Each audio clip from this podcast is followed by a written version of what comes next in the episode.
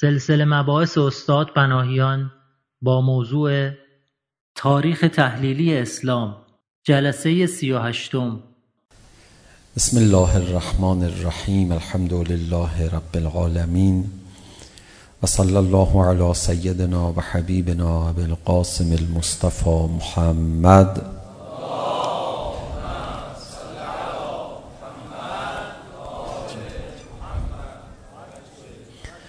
وآله الطيبين الطاهرين المعصومين سيما الحجة بقية الله الأعظم روحي وأرواح الغالمين له الفداء واللعن الدائم على أعدائهم مجمعين إلى قيام يوم الدين رب اشرح لي صدري ويسر لي أمري واحلل عقدة من لساني يفقه قولي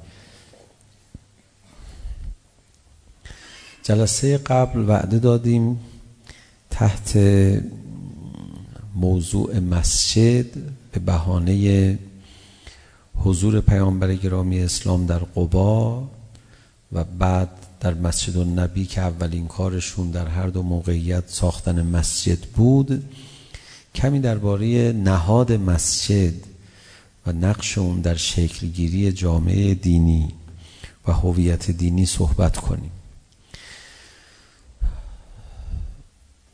بعد از اینکه امیرالمؤمنین علی علیه السلام ملحق شدن به پیامبر گرامی اسلام رسول خدا حرکت کردن به سمت مدینه خب دیگه در مدینه هم بستگان مادری ایشون از قبل حضور داشتن انتظار داشتن که حضرت مثلا پیش اونها برن دعوت اونها رو بپذیرن هم گروه های مختلف مؤمنین این انتظار رو داشتن از در واقع انصار که خب واقعا خدمت زیادی تا اون موقع انجام داده بودن. به گسترش دین و پیمانهای قرص و محکمی هم که بستن موجب شد پیغمبر اکرم تشریف فرما بشن مدینه. و این قبائل و برخی از اون بستگان به استقبال پیغمبر اکرم آمدن که شما باید به منزل ما بیای به محل ما بیای. مدینه هم یه شهری بود که محله های مختلف در کنار هم دیگه بودن. شهرسازی مثل امروز پیوسته نبود که حالا همه خیابون ها و کوچه ها به هم پیوسته باشه. محله به محله و قلعه قلعه بود. چون هر قلعه ای باید از خودش محافظت میکرد. راه ها رو میبست و حالا نمونهش قلعه خیبر در شهر مدینه خیلی مشهور شده که یکی از قلعه های یهودی ها بود خب اینها از رسول خدا تقاضا کردن و خب اونجا یکی از معجزات نادر اتفاق افتاد پیامبر گرام اسلام معمولا خیلی کم از معجزه استفاده می‌کردن و خیلی عادی و طبیعی اقدام می‌کردن ما قبلا در این باره صحبت کردیم جالبه من به شما بگم همون اوائل پیامبر گرامی اسلام قبل از بدر سال دوم هجری رسول گرامی اسلام سه تا سه بار حداقل حرکت کردن برای درگیری با دشمنان. دشمنان یعنی کاروانهایی از قریش. بعد رفتن و اونا رو پیدا نکردن و برگشتن. یعنی شما وقت فکر نکنید رادار جیپ جی پی اس و از این جور چیزا با, با عالم بالا وصله و آقا پس شما رو چه حسابی ما برش آوردی پیغمبر اکرم از همون اول کار امتحان ایمان مردم رو داره انجام میده میرفتن را پیدا نکردیم اشتباه شد برگردیم کی به ما خبر داده بود اون آقا خبر داده بود حالا ما گفتیم احتیاطاً بریم و بعد البته دو مرتبه از این دفعات دست خالی برنگشتن با یک قبائلی در اون اطراف پیمان بستن. این فایدهش بود. ولی برای اون قرضی که رفته بودن نشد. دوباره این تک این نمونه تاکیدش بر حرکت طبیعی پیغمبر اکرم. خیلی طبیعی بود. یادمون باشه. بعضی وقتا پیش ما از رسول خدا از امیرالمومنین سه چهار تا از اون کشف و کرامت های طبیعی فوق طبیعی رو نقل میکنن. بعد یه ما یه ذهنیتی پیدا میکنیم. که یه اون ذهنیت عوارض بسیار سوئی داره. ما از حضرت موسی معجزه رود نیل رو یادمونه ما از حضرت عیسی مرد زنده کردن رو یادمونه و به این میشناسیم و بیماری هایی که شفا میدادن. بعد دیگه کتک خوردناشون و دویدناشون و گشنه موندناشون دیگه هیچ وقت به ذهن ما نمیاد. ایناشو دیگه نمیگن. ما یه کمی خیال بافانه برخورد میکنیم با انبیاء الهی. اگر خیال بافانه برخورد بکنیم خیلی عوارض داره یه دین موهومی پیدا خواهیم کرد ارتباط موهومی پیدا خواهیم کرد. نمیدونم دیگه حالا اون الان یه بحث دیگری است که واردش نشیم. پیامبر گرامی اسلام از نوادر معجزه ها رو نشان دادن. چون دیگه مثل اینکه هیچ چاره ای نبود. اون موقع که کتک میخوردن و گرسنگی میکشیدن چاره بوده تحمل کنن. زیاد معجزه نیران وسط. ولی دیگه اینجا دیگه معجزه باید رخ میداده ظاهرا. بر شطور خودشون که نشسته بودن فرمودن که رها کنید. این رو فانها مأموره. این مأموره. رهاش کنید. بذارید این شطور خودش بره. دیگه همه منتظر بودن این شطور کجا بره. این یه دونه دیگه معجزه رو دیگه از پیغمبر اکرم در اوج ایمان ابتدایی که داشتن میپذیرفتن. بعد این شطور هم حرکت کرد در محلی در خانه ای نزدیک همین مسجد النبی اونجا فرود آمد و گلایه ها دیگه برطرف شد و اتحاد خیلی پدید اومد. حالا حکمتش حکمت این معجزه از هر جهتی مهمتر حکمت سیاسیه. شما حالا امشب ما بحثمون در ارتباط با این حکمت هست بر درباره مسجد. ببینید پیامبر گرامی اسلام بیشتر از یک شهر یک پادگان درست کردن. یک. هر کی مسلمان میشه باید بیاد مدینه. و الا اسلامش به درد نمیخوره اصلا. این که دستور بود. میدونید که کسی نمیتونست برای خودش مسلمان بشه. شما مسلمان شدید پس چرا نرفتی مدینه؟ خیلی نکته است. دو. هر کی مسلمان شد میاد مدینه حق نداره از مدینه خارج بشه. به حدی این موضوع جدی بود یک بار اشاره کردیم که پیامبر گرامی اسلام چون شهر مدینه زیاد هم معلوم نبود مرزاش کجاست. گفتیم محله ها و قلعه هایی بود که کنار هم دیگه بود. گفتم آقا من کجا خارج نشم؟ بین این دوتا مثلا محل من دارم میرم بیابونه. هیچی رفتن علامت گذاری کردن. مرز درست کردن. چند نفر معمور شدن حدود رو هم پیغمبر اکرم فرمودن لب تپه ها و نمیدونم دره ها و اینا مرز گذاشتن. ممنوع بود کسی بره بیرون. بعد با همه کسانی که اون تو بودن حضرت پیمان بستن قبائلی که مسلمان نشدن. بعد از جنگ بدر همه انصار مسلمان شدن. کسی باقی نموند. ولی قبیله های مستقل مثل یهودیان و یهودی ها و مسیحی ها باشون قرارداد بستن. قراردادهای حالا بین مسلمان ها و یهودی ها به جای خودش یه قرارداد اجتماعی هم بلا فاصله اون اول اون یه قانون اساسی برای مدینه درست کردن. در واقع برخورده های پیغمبر گرامی اسلام اینجوری که خیلی ها تصور میکنن اساسا معنوی معرفتی نبود. دیگه بعد از مدینه. دوران تلاوت گذشت. دوران برخورد معنوی گذشت. اون یتلو علیهم. دوران یوزکیهم آغاز شده. حالا یوزکیهم یعنی چی؟ اینکه که بهت سخنرانی بکنه. بله. بعد به شروعشون به مدینه نماز جمعه هم شروع شد و پیامبر گرامی اسلام اولین نماز جمعه رو در مدینه قرائت فرمودن. ولی مد... نماز جمعه که میدونید یعنی چی؟ نماز جمعه باید مسائل اجتماعی مطرح بشه. مسائل سیاسی اجتماعی باید توش مطرح بشه. اینجور نیستش که مثلا نماز جمعه رو هم بشه یه موعظه اخلاقی کرد و تمومش کرد رفت.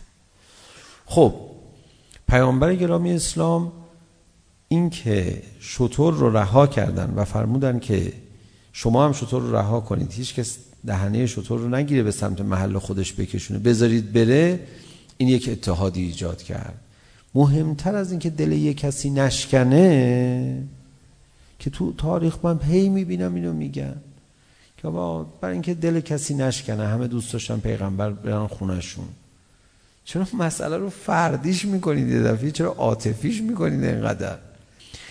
نه این دل شکستگی اصلا اهمیتش به اینه که یه جامعه متحد میخواد. یه جامعه یک پارچه. یه وقت یه کسی به یه کسی قیافه نگیره. آقا ما اینی ما نگاه کن اومد پیغمبر سمت ما. وقتی که شما در حساس ترین لحظه های سیاسی قرار دارید منافقین شهرت هم باید تنگ در آغوش بگیر و تحویل بگیری فعلا ید واحد بشید مقابل دشمن مشترک. یعنی تحلیلش به نظر من تحلیل سیاسیه نه عاطفی فردی. به هر حال رفتن خانه ایشون. اون زن این در واقع صاحب خانه اومد از شوقش اون خرجین رسول خدا رو گرفت و برد منزل و دیگه هر چی اصرار کردن یا رسول الله جای دیگه فرمود المرء مع رحله. آدم هر کسی با رحلشه. رحلم رفت اونجا منم میرم. با یه تعابیری دلنشین. و دیگه رفتن اونجا ساکن شدن. اونجا ساکن بودن تا خانه ایشون ساخته شد. چیزی حدود یک سال و خورده ای طول کشید.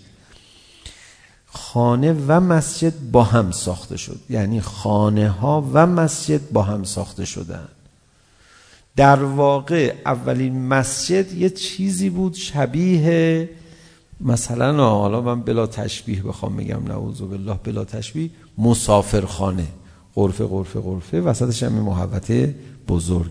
و اون غرفه هم همه به مهاجرین داده شد. دیگه انصار که خونه داشتن. خیلی هاشون هم خونه هاشون رو داده بودن به مهاجرین. خب خانه ها ساخته شد. همه خونه ها هم در داره به داخل مسجد. که بعد یک عملیات فوق العاده ولایی بعدها انجام گرفت. همه درها باید بسته بشه. فقط در خانه علی ابن ابی طالب. به شدت مؤمنین ناراحت شدن. حالا مؤمنین که نباید بگم باید تعبیر دیگه به کار ببرم. مسلمانان ناراحت شدن لااقل. بعد یه نقلی داره که رسول خدا وقتی برخورد اینا رو دید که تبعیض نسبت به علی ابن ابی طالب علیه السلام قائل شده حضرت مثلا به زعم اونها شامو نشون داد. فرمود هر کی نمیخواد بره. بره دیگه اینجا وای نسته. این یکی از شدیدترین و قهرامیزترین برخوردهای پیامبر گرامی اسلام بود که بازم باید اون داستان رو به جای خودش برسیم. مال مدت ها بعد بود.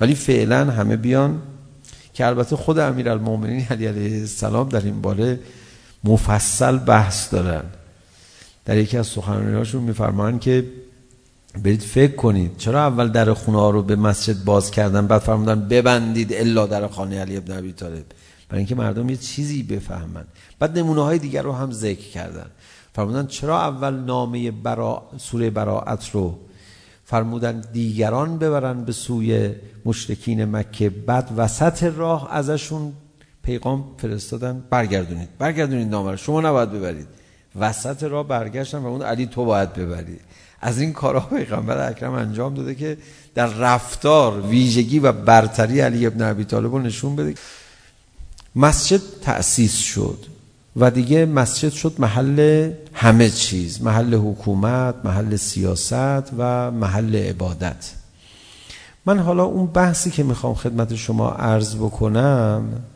در باب ابعاد سیاسی مسجده واقعا ماها الان به مسجد به عنوان یک پایگاه سیاسی نگاه نمی کنیم. مسجد محل عبادت. ما اشتباه میکنیم. ما اشتباه میکنیم. نماز جمعه فینال مسجده وقت مسجدهایی که توش بحثای اجتماعی نمیشه بحثای سیاسی نمیشه میخوام برن تو اون فینال چی بخوام بگن ما مسجدها رو اینجوری نگاه نمی کنیم این یک بحرانی است که ما داریم باید شما جوانای فکری براش بردارید رسما تو مساجد اگر بخواید فعالیت سیاسی بکنید نه فعالیت سیاسی به معنی جناحی نه فعالیت سیاسی به معنای غلط کلمه راست و چپ و این مسخره بازیایی که راه انداختن نه فعالیت سیاسی به معنای اینکه گروه و دسته خاص آدم راه بندازه فعالیت سیاسی به معنای گفتگوی سیاسی نقد و بررسی سیاسی مسائل اجتماعی رو مورد بحث قرار بدن بدید رسما شما را مسجد میزن بیرون بعضی از مساجد. نگاهشون نیست. آقا ولمون کن داریم نماز میخونیم چه حرفایی چه میزنیم؟ شما بلند شو بعد از نماز. بگو آقا ما میخوایم بعد از نماز یه کاری انجام بدیم. چی کار انجام بدیم؟ دو تا مسئله احکام بگیم. میگم بارک الله بگو. دو تا هم خبر سیاسی بگیم. خبر سیاسی الان میریم پای اخبار میریم بابا. بابا همه چی رو تلویزیون نمیتونه بگه. دو تا هم خبر سیاسی بگیم. اونجا مسجد آخه. میگن اه چه برداشت این آقا داره. مسجده باید خبر سیاسی بدیم. مسجده باید نماز بخونیم. اینو چیکارش کنیم؟ مسجدی که پیغمبر ساخت این نبود. پیامبر گرامی اسلام که پیمان گرفت از مردم مدینه دیگه ما بحث کردیم اومدیم جلو دیگه. از روز اول بحثشون سر چی بوده؟ مسائل سیاسی بوده. اومدن حالا یه محل عبادت ساختن به سیاست کاری نداشته باشن. بله میدونید مردم چیکار میکنن اینجا؟ به سیره پیامبر گرامی اسلام که محل حکومتشون در واقع مسجد بود نگاه میکنن میگن خب ایشون پیغمبر بودن. ولی امام جماعت رو در واقع یا عالم دینی که فرمود العلماء و ورثت الانبیا در واقع جانشین سیاست پیغمبر نمیدونن. ما یه زرنگی هایی داریم. ما آدم های زرنگی هستیم. دین رو برای اینکه تحمل کنیم یا محبوبیت رو از دست ندیم تو بین خیلی ها از سیاست جدا کردیم. ما زرنگی خود خداوند متعال میفرماد. میفرماد علت اینکه خیلی از انبیاء الهی محبوبیت پیدا نکردن به خاطر مسائل سیاسی بود. من سوره مؤمنون رو بیام باز کنم برای شما بخونم دیگه. شما ببینید دیگه. پیغمبر اکرم خودشون رفتن جلو. امام جماعت ایستادن. تواضع پیغمبر نمیگه که یا رسول الله حالا شما نرو جلو. بخونید بخونید بچه ها برید در خونه خدا عبادت کن حالا من برم جلو یه وقت فکر میکنید من خودمو گرفتم اتفاقا میدونید یکی از مستحبات نماز جماعت چیه تو مساجد اجرا میشه این اون طرف اجرا میکنن این دیتیکش رو بلدن خوب اجرا کنن این که امام جماعت برگرده صفا رو مرتب کنه مرتب بایستی شما به ور شما به جلو شما, شما مرتب اینجوری کرد یک یکم این کرده نگاه کنه صفا رو مرتب کن نه بابا امام جماعت در اوج عرفان دیگه اصلا نگاه نمیکنه که غرق خداست به این جامعه کوچولویی هم که پشت سرش درست شده نگاه نمیکنه حالا چه برسه به جامعه بزرگ به جامعه میرسه امام جماعت قبل از اینکه نماز رو شروع کنه یه تذکر میده صفا رو مرتب کنید بعدش نماز شروع میکنه خب پیغمبر اکرم این کار میکردن صفا رو مرتب میکردن ابعاد سیاسی مساجد رو باید احیا کرد بعد از ابعاد سیاسی مساجد ابعاد اجتماعی مسجد رو باید احیا کرد اطراف مسجد خیلی از مساجد هستن خانه عالم ندارن. خب این بنده خدا عالم دینی که میخواد اونجا باشه کجا بره در در به در بشه؟ شاید نصف شب یه کسی یه پناهی خاص آب بیاره به مسجد. یا یه خونش هم, هم اینجاست. سوالی میخوای بکنی. در اختیار مردم باشه. یا مثلا یه جایی هست به نام صفه. یه جایی هست یه سکویی که هنوز هم الان به عنوان آثار باستانی در عقب مسجد نگه داشتن. اصحاب صفه که میگن فقرایی که جا نداشتن. هزینه نمیتونستن بکنن برای قرفه سازی. جا نبود یه قرفه کنار مسجد بسازن. اینا دیگه واقعا آه در بساط نداشتن. قضا باید مؤمنین بهشون میدادن بخورن. اینها فقرایی بودن که اونجا می نشستن بعد یه نفرم مأمور گذاشت برای آموزش قرآن برای اینا. دیگه هر کی مدینه می اومد میدونست باید کجا بره. اینجا سفره هست. میری اونجا میشینی آموزش دینت هم دینت هم دریافت میکنی و بعد میری دنبال حالا اگه بری. بعدها بعد از فتح مکه اجازه پیدا کردن مؤمنین خارج از مدینه باشن. یعنی این هم یادتون باشه.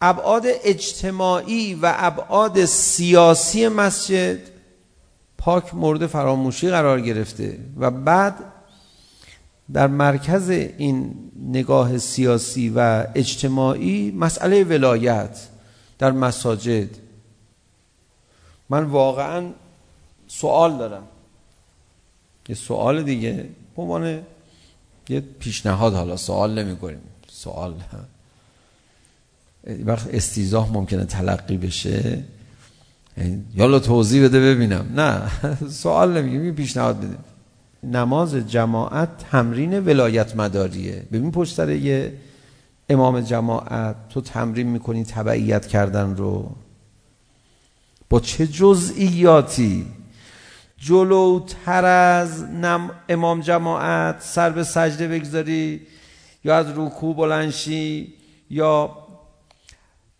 هر رفتاری رو انجام بدی معصیت کردی و این رایجه اصلا تو مساجد اصلا بعضی وقتا حالا من توفیق ندارم لیاقتش هم ندارم که امام جماعت وایستم امام جماعت دم وای میسته میخواد بلند شه بگه سمع الله لمن حمده الله اکبر مردم رفتن سجده شما واسه جمعش بکنی حالا از اون قاعده استفاده کن که در طول راه هم میتونی ذکر بگی یا اصلا نگو دیگه. این رفتن اینا اشکال پیدا میکنه.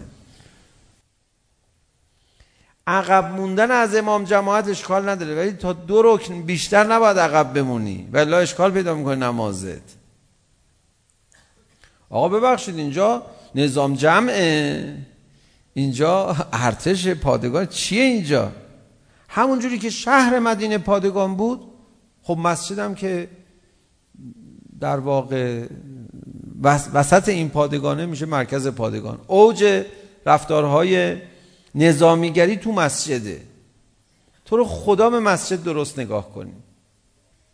من فکر میکنم گاهی از اوقات ماها سعی میکنیم که مردم یه وقت فکر نکنن نماز جماعت یعنی ولایت مداری و ایناها. یه وقت فکر نکنی یا حواست نیاد برو اونور نگاه کن همینجوری برای اینکه مرتب بشه شلوغ نشه اینجوری که هم صاف وایسادن بعد ممکنه بعضی یا قرائت حمدشون خوب نباشه یه نفر میخونه بقیه ساکت گوش میدن بعد ممکنه همه با هم بخونن هم همه بشه گفتن اینجوری اینجوری بشه ذهنت نره سراغ مسئله امام و امام امام اسم گذاشتن منظورشون معلم بوده من فکر می‌کنم یه تلاش اینجوری شده و الا همینجوری نماز جماعت رو ول کنی. برای یه غریبه. آقا اینا اینجا کجاست؟ یه اتاق خیلی بزرگی با سقف بلند چون جمعیت جمع میشه. اه چند وقت بار جمع میشن. روز سه مرتبه جمع میشن. اه جالبه. مسلمان سه بار میرن اونجا اونجا. آره. برای چی چی غذا میخورن؟ نه. بیا بریم ببینیم چیکار میکنن. بعد میبینید اینا عبادت جمعی انجام میدن. عبادت جمعی انجام میدم بله پس چون نشستم منتظر رئیسم بو اون قریبه بخوای بگی باید اینجوری بگی دیگه امامو چی ترجمه میکنی به انگلیسی مثلا بخوای بگی بهش لیدر بخوای بگی چی میخوای بگی بالاخره یه چیزی از مقوله رهبر و رئیس و اینا باید بگی نباید بگی منتظر قدیسشونن منتظر اون عارفن همینجوری تو حواس اشون نباید اینجوری بگی؟ اینا پا یه عبادت نمیخوان خودشون عبادت کنن. نه اینجا عبادت معنای تبعیت داره. بعد یه مقدار احکامشو بگو. اون برمیگرده میشه شما ارتش دارید را میندازید. شما دارید ارتش. یه قریبه بیاری اون میفهمه شما داری ارتش را میندازید ما چی کار کردیم با مساجدمون چی کار کردیم با مساجدمون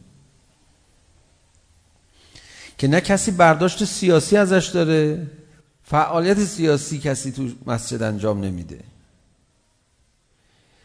نه کسی برداشت اجتماعی از مسجد حتی داره حالا از سیاسی بیایم پایینتر میشیم اجتماعی نه کسی برداشت ولایی ازش داره. اینجا محل تمنی ولایت مداریه. شما نگاه بکنید رکوع رفتی سجده رفتی. بلند شدی دیدی امام جماعت هنوز روز رکوع سجده است. باید برگردی. آقا تو نماز عادی باطل میشه نماز. رکن اضافه شد. رکن اضافه بشه یا کم بشه نماز باطله. نه اینجا جماعت تبعیت باید بکنیم. یالا. امام جماعت. من دیدم بعضی این مسئله رو بلد نیستن همجوری میشینن همجوری ای وای نیومده ایشون هنوز بالا. حالا میشینیم وای میشینیم بیاد. نه وای میشینیم چیه؟ خب باید دوباره سجده کن. آقا اینا بی حکمته آخ تو رو خدا رحم کنیم. احکام همجوری بی حکمت میشه؟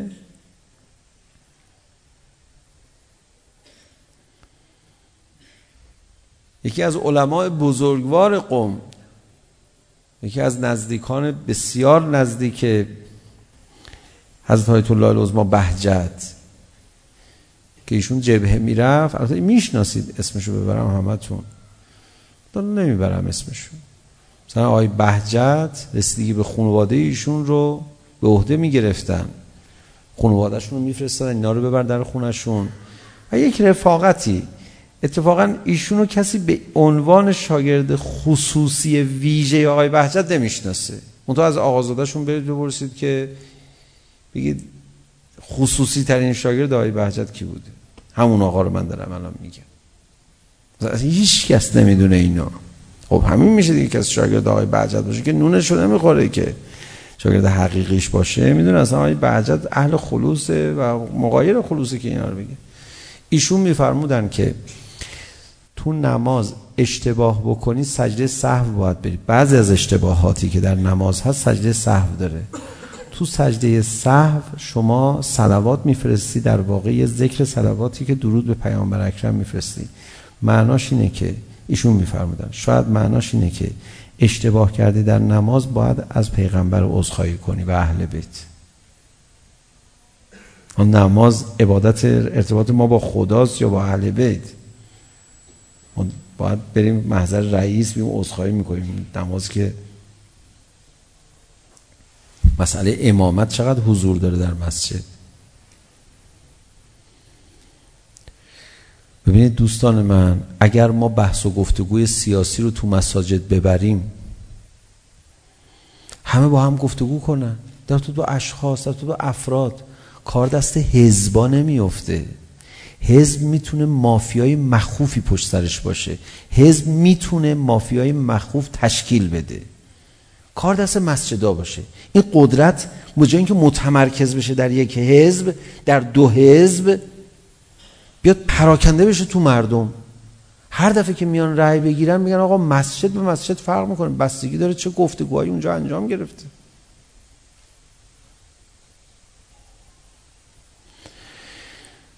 خیلی بیشتر از این میشه در این باره صحبت کرد ولی بگذارید بگذاریم فقط یه نکته به شما عرض بکنم. شما خودت رو جای سازمان سیا و موساد و کاگبه و کاگبه که حالا دیگه الان دورش گذشته. جای اینایی که صهیونیستایی که دنیا رو پشت پرده اداره میکنن. صهیونیستا این سرصدای ناتانیاهو رو نگاه نکنید این عروسه که خیمه شب بازی رو صحنه شونه که میگن شلوغ کن هیچ کی نفهمه ما اون پشت داریم چیکار میکنیم اون پشت کارهایی که دارن انجام میدن از کارهایی که تو تولید بیماری و تولید دارو و برای فروشش انجام میدن تا تغییر برنامه غذایی مردم جهان تا فرهنگ لباس پوشیدن مردم جهان تا همه چی اون پشت یه اتفاقایی داره میفته تا به صورت مافیایی نفوذ بکنن توی همه جریان ها جای اونا باشی توی یه ملتی رو بخوای اداره کنی چیکار میکنی؟ خب خیلی کارا میتونه بکنه آدم. بهترین کار چیه؟ خواهش میکنم ازتون. من این جوابی که میدم ازم قبول نکنید.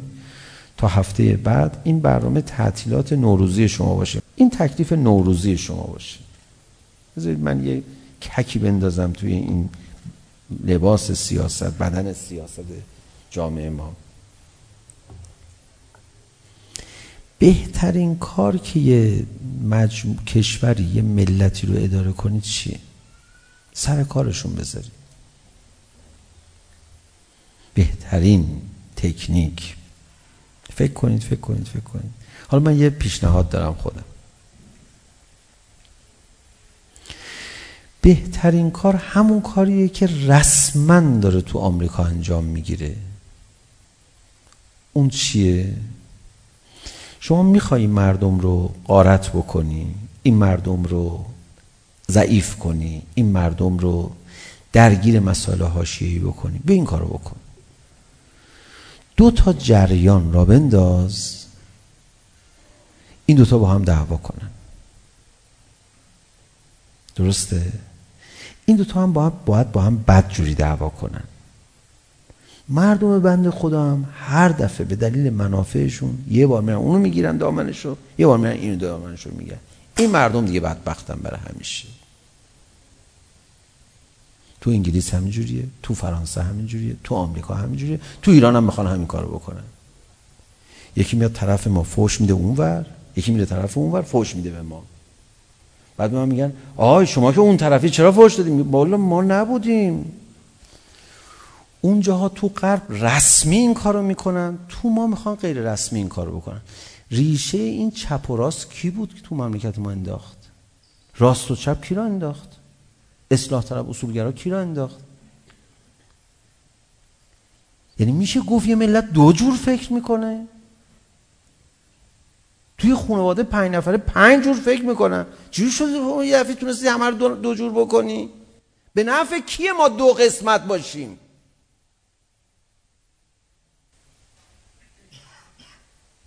دو قسمت میشه دیگه آغاز بدبختیه چون همیشه مجبوری به هر کسی این ور رأی بدی که بره بالا. چاره ای نیست. تیمت باید ببره. همون طرحی که برای قرمز و آبی زمان تاغوت ریختن همه رو بزنن سر کار. همون طرح هم تو سیاسی میزنن اینا برای چی پدید میاد این بازی ها برای اینکه تو مساجد فعالیت سیاسی نیست. گفتگوی سیاسی نیست. یه کانون سیاسی انواع و اقسام نظرات هستن. آقا این الگو داره الگوشو اجرا کردم تو فرانسه داره اجرا میشه تو جای دیگه داره اجرا میشه. ببین دو نفر با هم درگیر باشن سیاسی واقعی باشه موجب رشد ملت میشه. واقعی نباشه موجب بدبختی مردم میشه. دو تا دعوای واقعی. ما اگه ببینیم. هست تا دعواهای واقعی هست. آدم سالمم تو جناهای مختلف هست. من نمیخوام همه رو بتارونم. مدل صهیونیستیه همه بازی خوردن. از مدل صهیونیستاست تو پروتکل های دانشوران صهیون 118 سال پیش اینا گفتن اصلا. که ما اینقدر مردم رو درگیر اختلافات حزبی میکنیم که دیگه نتونن مملکت خودشون رو آباد بکنن. و ما درگیریم این میره پشت تریبون اونا رو فوش میده اون دشمن خیالی رو. بابا با اون چیکار کارتو بکن. این میره اون اون رو فوش میده. آخرش هم ما مجبوریم طرف یکی رو بگیریم دیگه. نمیتونیم بریم رئیس سفید بندازیم که. بعد آخرش هم میگیم بالاخره این ورتره بهش رأی بدیم. تو باید از اول جلوی دو قطبی شدن رو میگرفتی.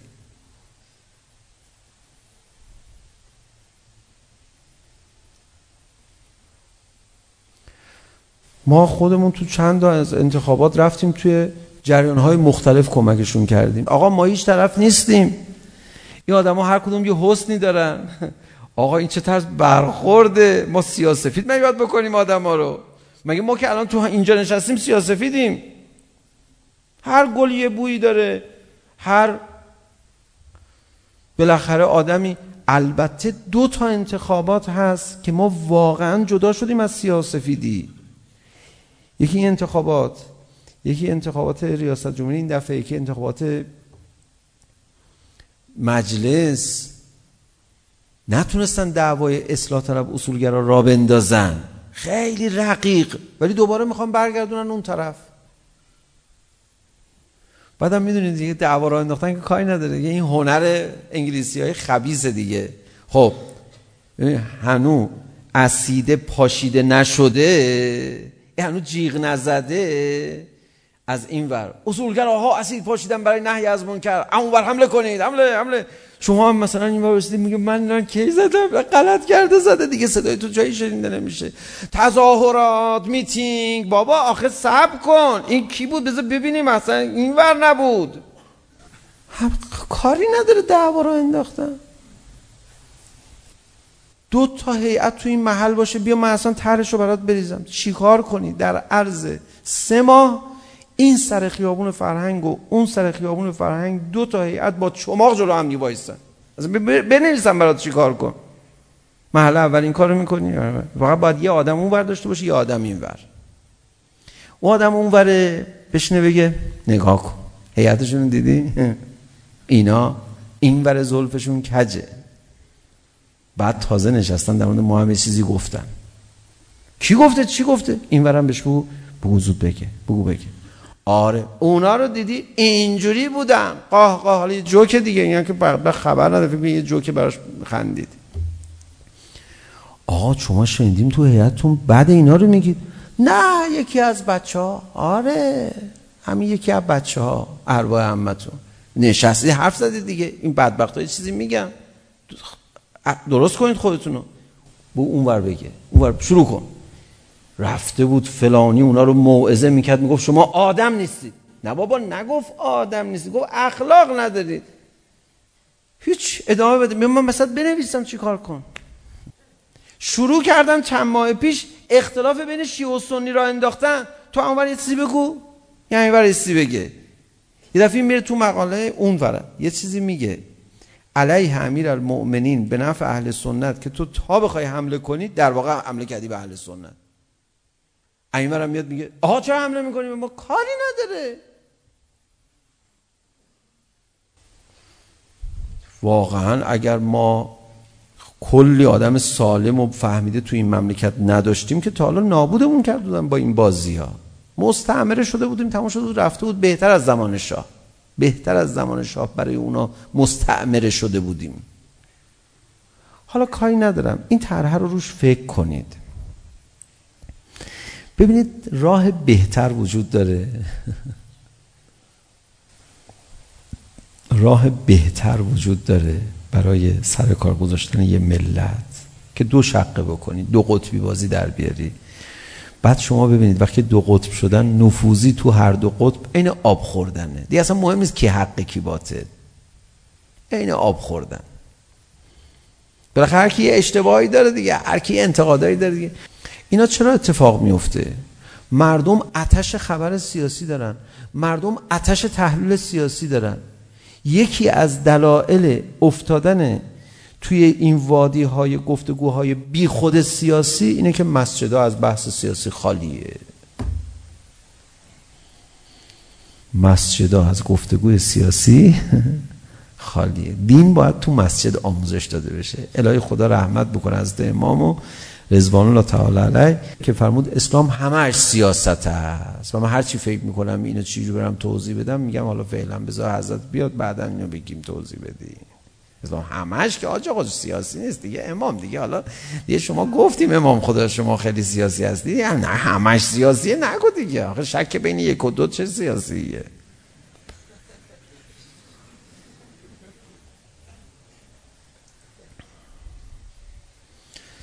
ما باید بشیم این شک یک و دو چجوری سیاسیه بری نماز جماعت به شک خودت نباید اعتنا کنی آقا هست دیگه به تو ربطی نداره حالا آقا اگه شک کرد چی آقا هم شک کرد به تو ربطی نداره آقا خودش برمیداره اون دو رکعت جبرانی یا سجده صحب یا هر چیشو میخونه اینا اینا آموزش ولایت ولایت مداری نیست شما نماز درست شد چیکار به اون داری وقتی امیرالمؤمنین کنار کشید یه جوری کنار کشید دو شقه ایجاد نشه خیلی رو این فکر کنید. رفت خودش رو قاطی کرد. منم جز شما. ابوذر خیلی حرف میزد. بالاخره یه گروه کوچکی به نام شیعه بود ولی حضرت فکر سعی میکرد از نظر اجتماعی انشقاق پیش نیاد. کتکش زدن حضرت فرمود ابو ذر من بهت میگم حرف نزن چرا حرف میزنی گفت آقا من طاقت نمیارم فرمود اینم تنبیهت تو حرف منو گوش نمیکنی کتک میخوری نه اینکه اونا میزنن ها برای اونا هم میزنن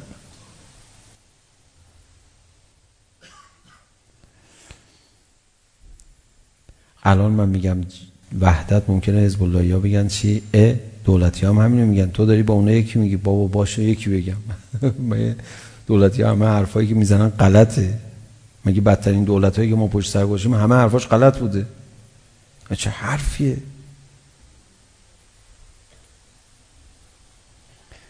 ما دو تا جریان نیستیم ما جریانات مختلفی هستیم بچه کدوم مسجدی آره تو اون مسجد غالبا در ارتباط با فلان موضوع این نتیجه رو میگیرن چون لیدراشون بیشتر اینجوریان اون یکی مسجد اونجوری بعضی میگن بالاخره این یه واقعیت هست نه میگم اتفاقا اصلا واقعیت نیست.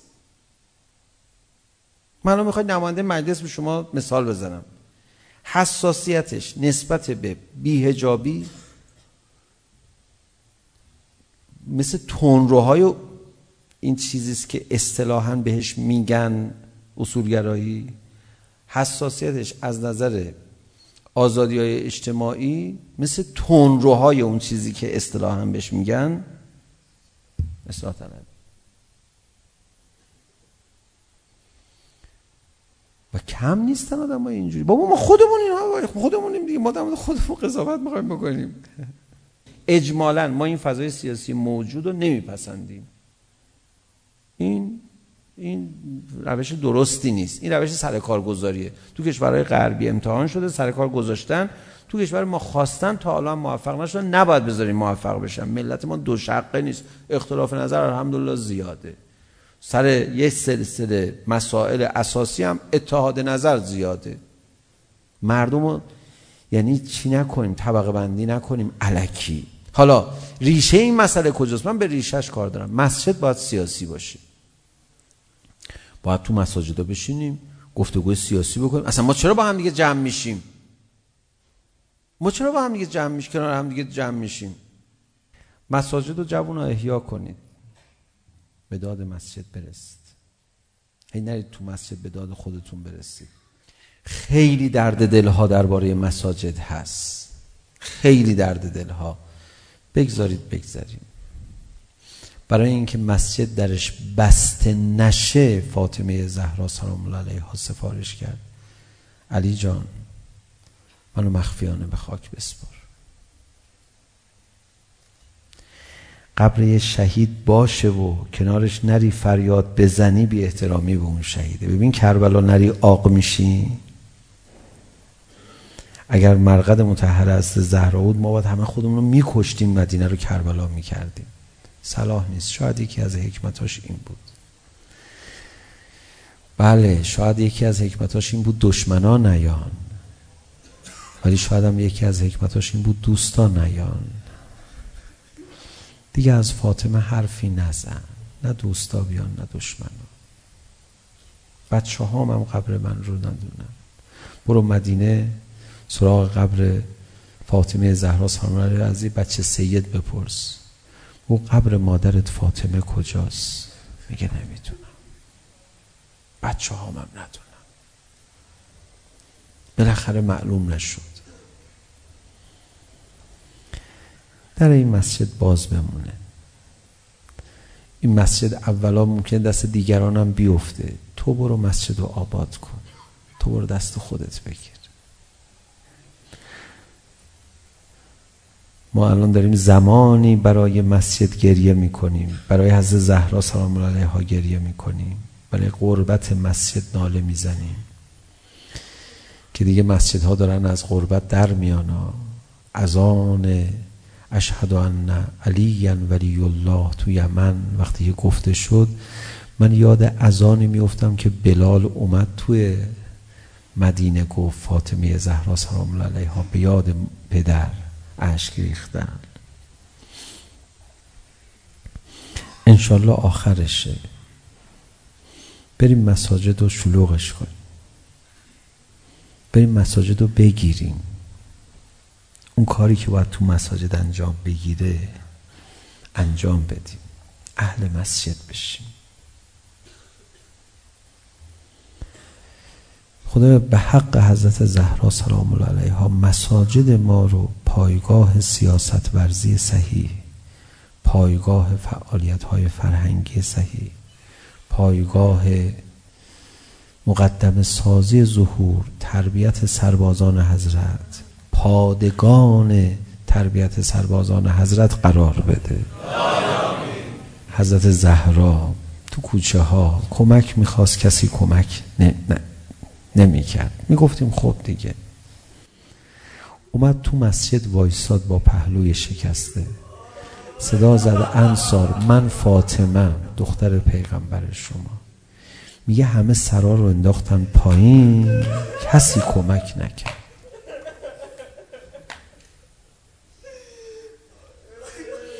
فاطمه زهرا برگشت اومد خانه. جایی نقل نکردن از ضرب سیلی فاطمه گلهی کرده باشه پیش علی ابن ابی طالب. جایی ننوشتن از درد بازو و پهلو گلهی کرده باشه فاطمه زهرا. ولی وقتی این برخورد و تو مسجد پیغمبر باهاش کردن که کمک خواست یه نفر بلند نشد کمک کنه اومد خونه صدا زد علی خارم کردن یه جمله ای داره. بعضی ها نقل کردن صدا زد. علی کاش مرده بودم این صحنه رو تو مسجد نمیدیدم. چقدر سوزاندن. جگر فاطمه زهرا رو. گفت زخم شمشیر زخم بدن. درست میشه ولی زخم جگر زخم قلب درست نمیشه. برگشتن صریحا به فاطمه زهرا مادر شما جسارت کردن میدونید چی گفتن گفتن یا فاطمه باغ میخوای چرا میخوای دست درازی کنی به بیت المال یا از باغهای خودمون بهت بدیم فاطمه باغ میخواد فاطمه زهرا باغ میخواد نمیشه بیشتر از این حرف زد بیشتر از این جلو رفت و بیشتر از این چیزی گفت. روز به روز روزه های فاطمیه بیشتر سانسور میشه. عیبی نداره. عیبی نداره. یه روزه سربسته براتون بخونم. وقتی پیغمبر اکرم اومدن مکه مکه رو فتح کردن بهشون گفتن آقا وحشی اون غلامی که نیزه زد به سینه حمزه نازنین شما مسلمون شده. چیکارش کنیم؟ مجازاتش بکنیم؟ فرمود نه دیگه مسلمون شده. فقط بهش بگید جلوی چشم من نیاد. من طاقت ندارم ببینم. یا زهرا از امشب امان از دل مولا.